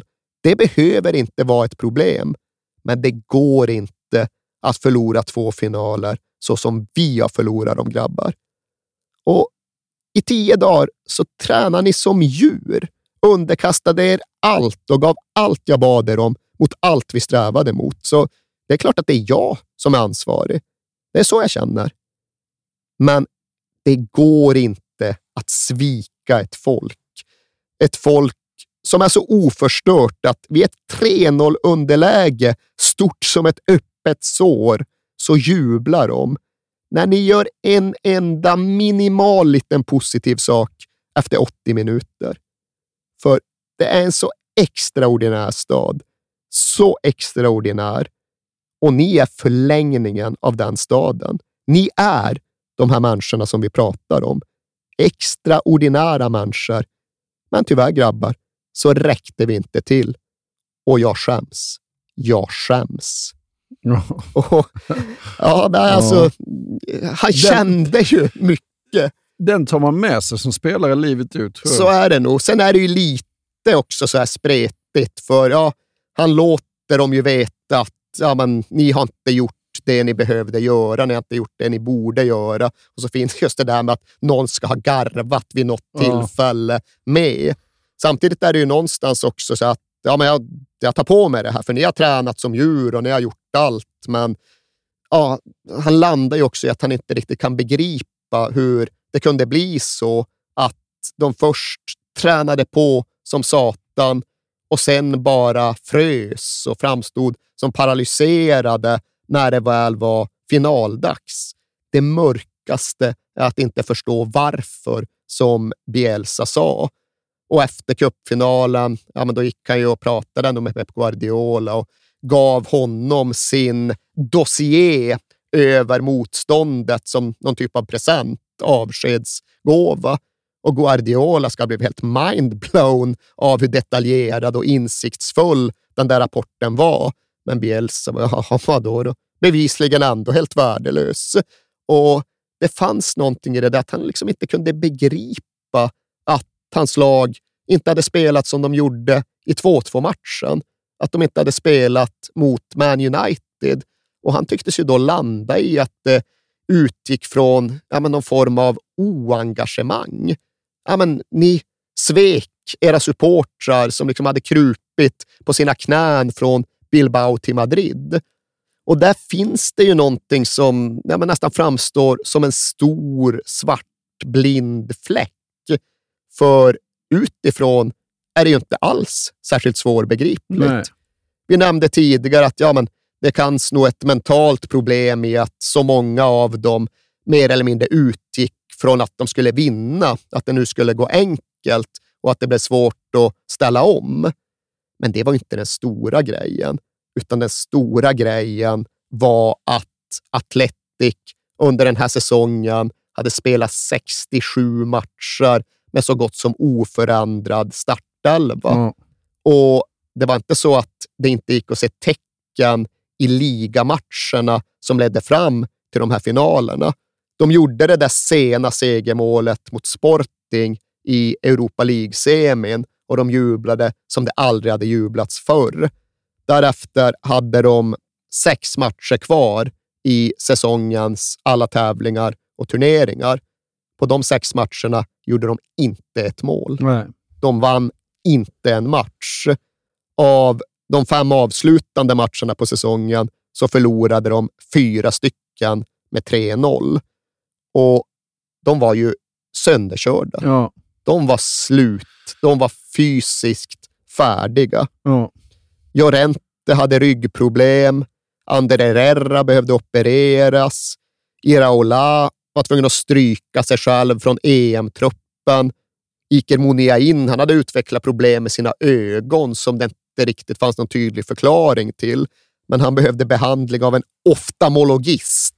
Jaha. Jag kan knappt uttala ordet oftalmologist. Jag har aldrig hört det i mitt liv. Ja, det är väl en försköning för ögonläkare. Man, man är viktig ifall man använder termen oftalmologist. Verkligen, ja. Men där jag inte kan uttala det så kände då Marcelo Bielsa att han var i position att följa med Monia in till oftalmologisten. Och när det var liksom nedslående besked, ja, då utmanade han ögonläkaren i fråga. Då hängde han kvar i 40 minuter och skrek om hur dum i huvudet han var för att han inte bara styrde upp Monia Ins ögon Ja. omedelbums och ögonaböj. Och ja, på det engelska språket finns det bland annat den här poddintervjun som jag vet att du har hört med Ander Herrera, Ja. där han pratar lite om ja, men hur han upplevde det. Ja, men han sa liksom att eh, vid en viss tidpunkt så var vi helt fucked. Vi kunde inte springa längre och vi byggde vårt spel på att vi sprang mycket mer än alla andra. Och kan du inte göra det längre? Nej, det, det funkar det inte. Nej, och det är ju det är inte så svårt att förstå så att det bara blir alldeles mörkt omkring en. Det är märkligt att inte Bielsa mäktade med att ta till sig. Nej, men det, det, ganska... det finns väl två grejer som jag funderar på med Bielsa. Jag, jag älskar väl också honom. Sådär. Men, men det, det är ju att man älskar honom också för att han är helt opragmatisk. Han bara Absolut. kör liksom. Men samtidigt så måste han ju se genom alla de här åren att varenda lag han tar över i slutet av säsongen så orkar de inte springa längre. Det är det ena. Och så det andra, ja men det här man-man-spelet kanske inte funkar så är fantastiskt bra, men han bara fortsätter. Ja, och det är, ju, det är ju för mig ett argument för hans storhet snarare än tvärtom. Ja. Och jag köper såklart att det inte nödvändigtvis är ett argument för att maximera resultaten. Men ja, vad var det de sa om Atletic som klubb någon gång i början av de här avsnitten? Ja, det är något som inte ryms inom rationell analys. Därför känns det någonstans mer. Och så är det ju på något sätt även med Marcelo Bielsa och hans fotboll. André Herrera han sa väl ordagrant det, to be honest, we were physically fucked. Ja. Och just kunde inte röra oss, våra ben skrek stanna. Och här var det ju så att vingarna smälte för Ja, precis. Athletic Club, för de hade flugit för nära solen. Och även om Bielsa då i någon mån kände sig oförmögen till utvärdering och analys, så fanns det ju inom klubbledningen runt Orotia folk som ja, men omedelbart efter de här finalerna menade att Bielsa inte skulle få något nytt kontrakt.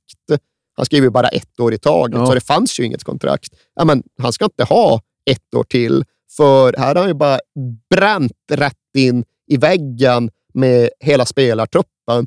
Det kan ju alla se.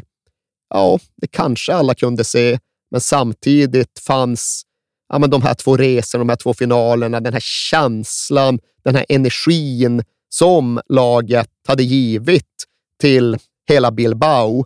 Och det är klart att det vägde över. Det är klart att Bielsa fick en förlängning, men det skulle aldrig bli detsamma.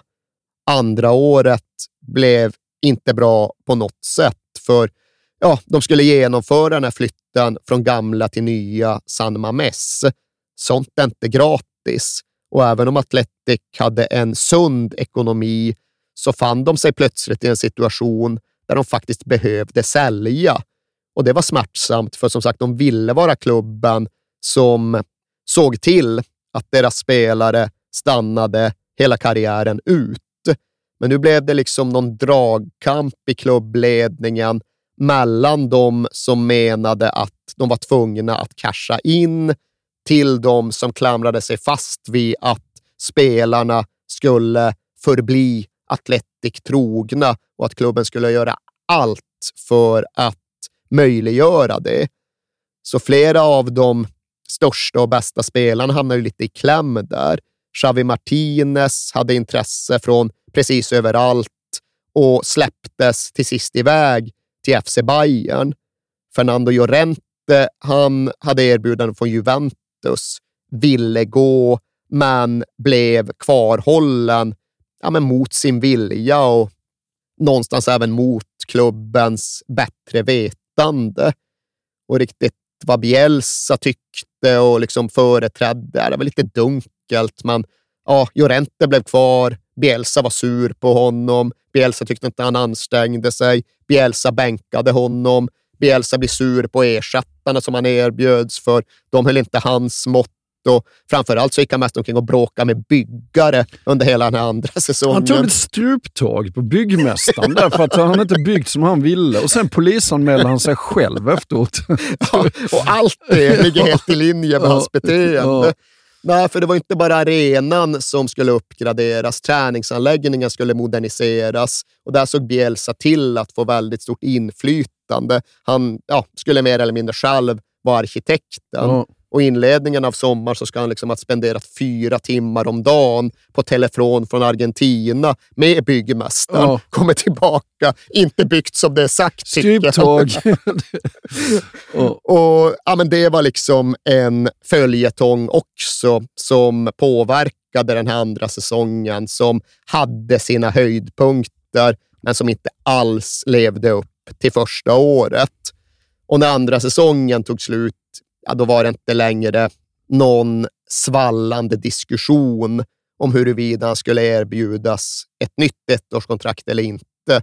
Nu var liksom alla överens om att ja, men, så blir det inte. Nej. Det är bäst för alla att gå skilda vägar.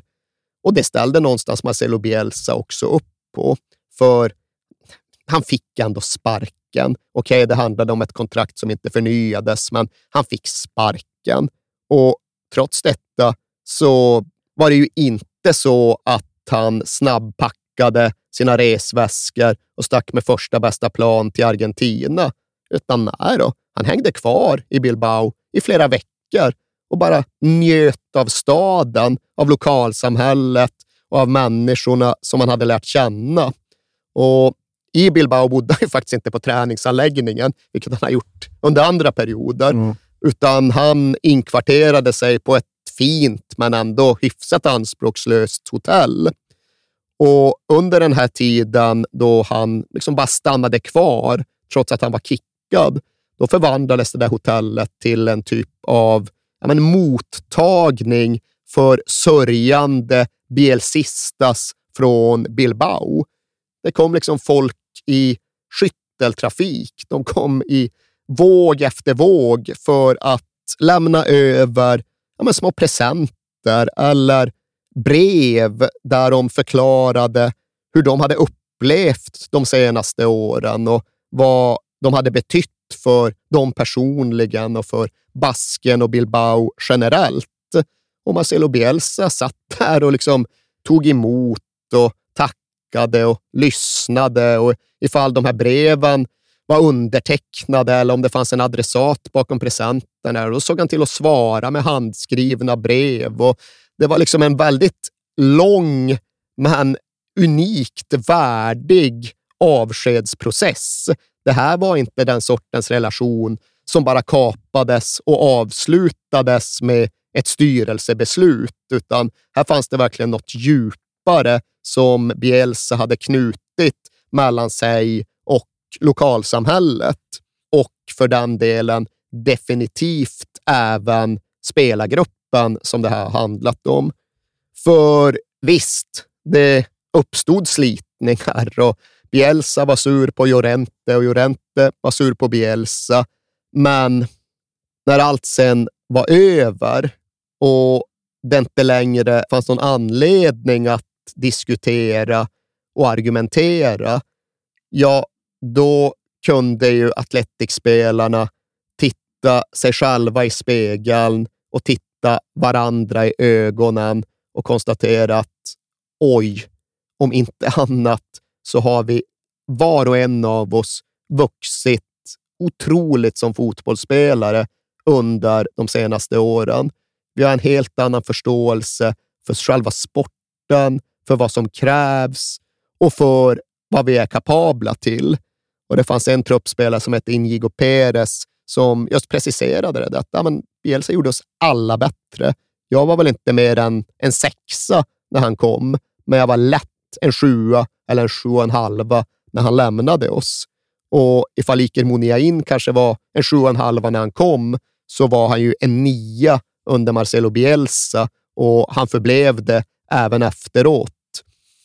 Och den här tacksamheten och de här banden mellan spelargruppen och Marcelo Bielsa, ja, de var på riktigt och de var starka.